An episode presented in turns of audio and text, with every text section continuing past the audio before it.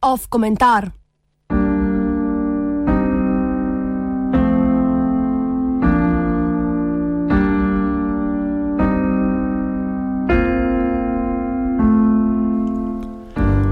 Zakaj ne verjamem več resničnosti?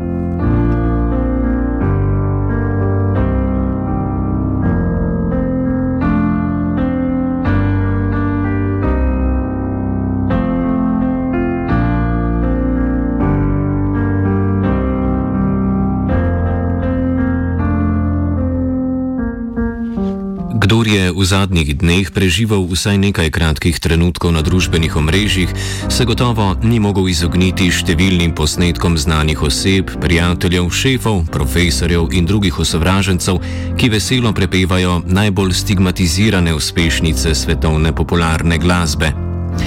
Gre za primer tako imenovanih deepfake posnetkov, kjer računalniška tehnologija na podlagi slike zgenerira umeten posnetek posameznika, na katerem preširno prepeva.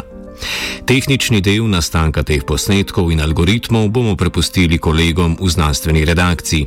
V tokratnem razmišljanju pa nekaj besed o političnem in družbenem kontekstu ustvarjanja umetnih video vsebin.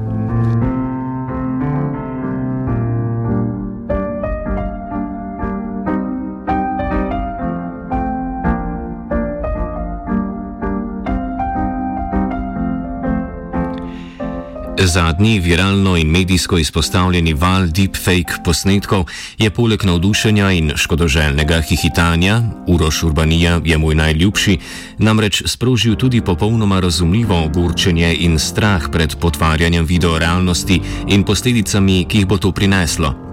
Nisi nam niti treba hipotetično predstavljati, kako bi se to tehnologijo dalo zlorabiti.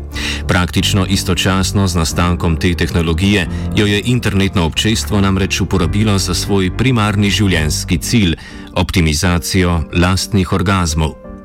Tako se že leta na medmrežju pojavljajo številni precej prepričljivi posnetki raznih slavnih igralk in pevk, ki jih tehnologija postavlja v gledalcem poželjive spolne akte. Te prakse pa niso omejene le na slavne, ampak so z dostopnostjo deepfake tehnologije žal postale tudi stalnica internetnega blatenja in omadeževanja.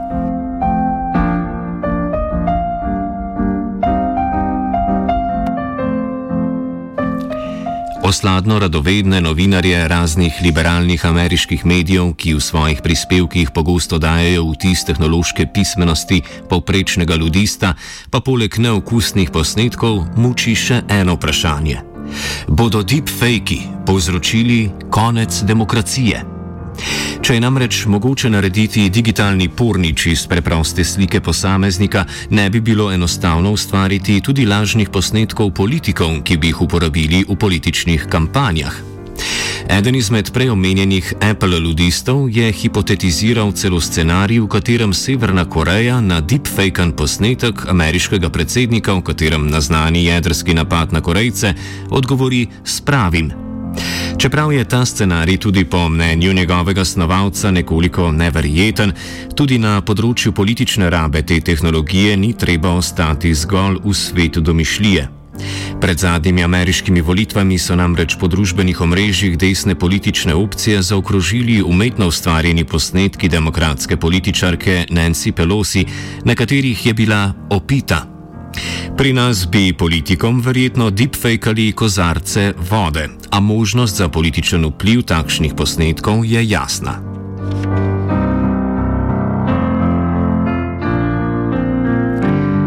Kaj lahko torej storimo proti poplavi lažnih informacij, ki nam grozi zaradi lahkote ustvarjanja umetnih videoposnetkov, ki jo ponuja nova tehnologija? Prvi odgovor, na katerega je žal osredotočena večina razprave o tej tehnologiji, je recipročni razvoj tehnologije za razkrinkavanje deepfakeov. Številne raziskovalne ustanove, vlade in vedno dobro namerni Pentagon znatne vsote vlagajo v razvoj algoritmov, ki razkrinkajo in prepoznajo umetno ustvarjene video vsebine. A gre za klasično tehnološko orožarsko tekmo, ki jo vsaj za zdaj jasno dobiva orožje, torej deepfake. Ključen razvoj v zadnjih letih je prav v dostopnosti in enostavni uporabi tehnologije, kar so pokazali ravno videi pojočih osovražencev.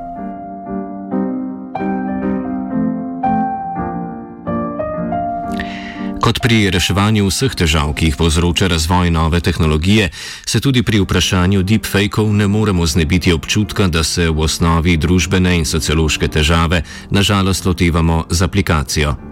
Odgovor Silicijeve doline na vsakršno težavo, ki jo deloma pomagajo ustvariti, je algoritemski, kar je po svoje razumljivo, glede na to, da so pač za to usposobljeni. Težava pa je, da te rešitve pogosto ne naslavljajo temeljnih družbenih problematik, ki jih nove tehnologije le potencirajo.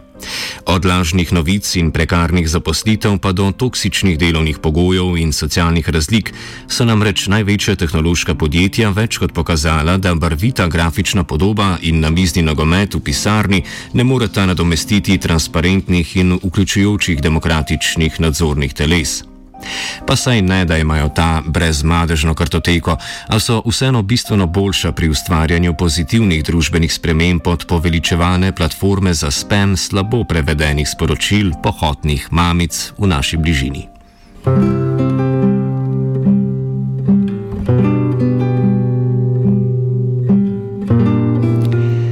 vsem tem apokaliptiziranju in odkrivanju vedno novih načinov, na katere nas bo Facebook vse skupaj pokopal, pa je vseeno treba narediti korak nazaj in se vprašati temeljno vprašanje v celotni zgodbi deepfake posnetkov.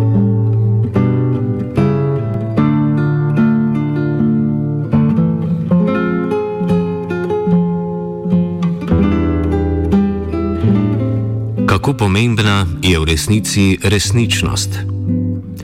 Temelj predvidevanja, da bodo lažne video vsebine močno predrugačile človeško družbo, je namreč predpostavka, da ljudje zdaj politično in družbeno delujemo na podlagi neke objektivne resničnosti, ki jo prejmemo iz objektivnih, neprirejenih virov informacij. Diskusija, ki se v javnosti razvija okrog deepfake posnetkov, premikajoče se slike postavlja v vlogo zadnje utrdbe objektivne realnosti, na katero se ljudje zanašamo. Izgubo objektivnosti videoposnetka pa slika kot konec resničnosti v političnem in medijskem prostoru.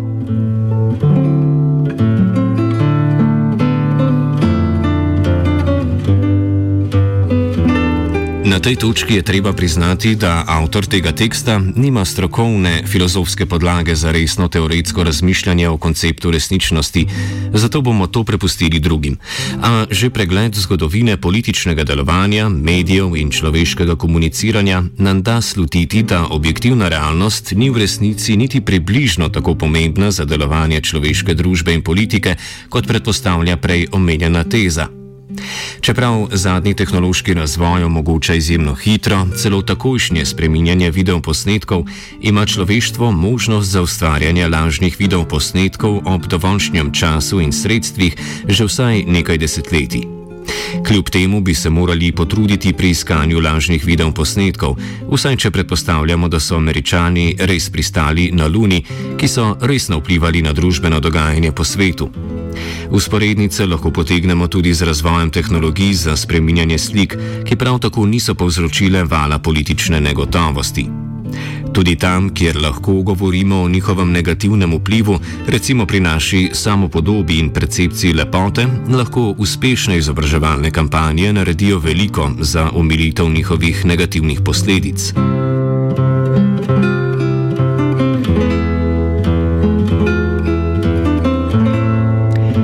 Resničnost, ki jo percepiramo ljudje, je v vsakem primeru odvisna od namenov in sporočila, ki ga želijo njeni oblikovalci prenesti. Še več, pogosto so prejemniki sporočil že vnaprej odločeni o svoji resničnosti in možnost hitrega ustvarjanja umetnih videoposnetkov oseb tega ne bo bistveno spremenila. Človeštvo je od egipčanskega uničevanja imen osovraženih faraonov do pozabljanja kolegov tovariša Stalina vedno preko različnih medijev spreminjalo svojo lastno realnost in tudi prepričanja.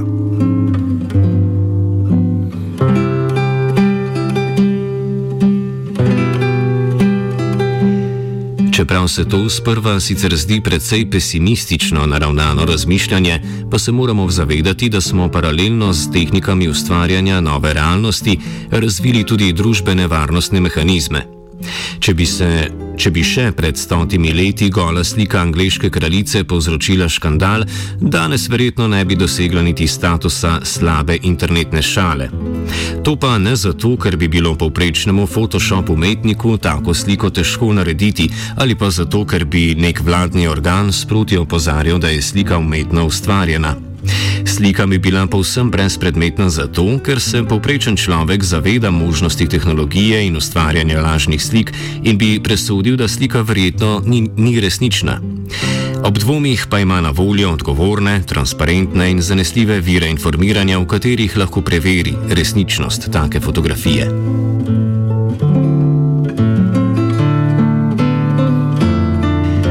Na nek način prav omenjeni videi prepevanja, ki jih lahko sami ustvarimo na telefonih, opravljajo pomembno vlogo izobraževanja ljudi o možnostih in realnosti napredka tehnologije.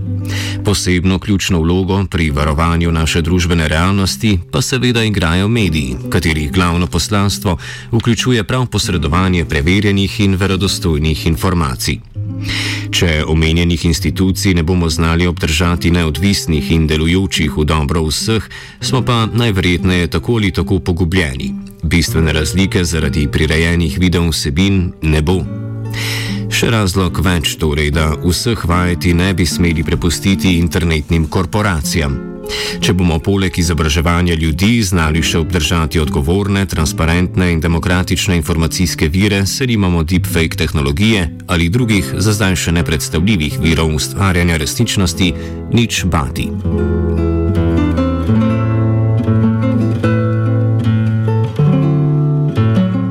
Če je realnost vključujoča, pravična in prijetna, ali je v resnici sploh pomembno, da je umetno ustvarjena?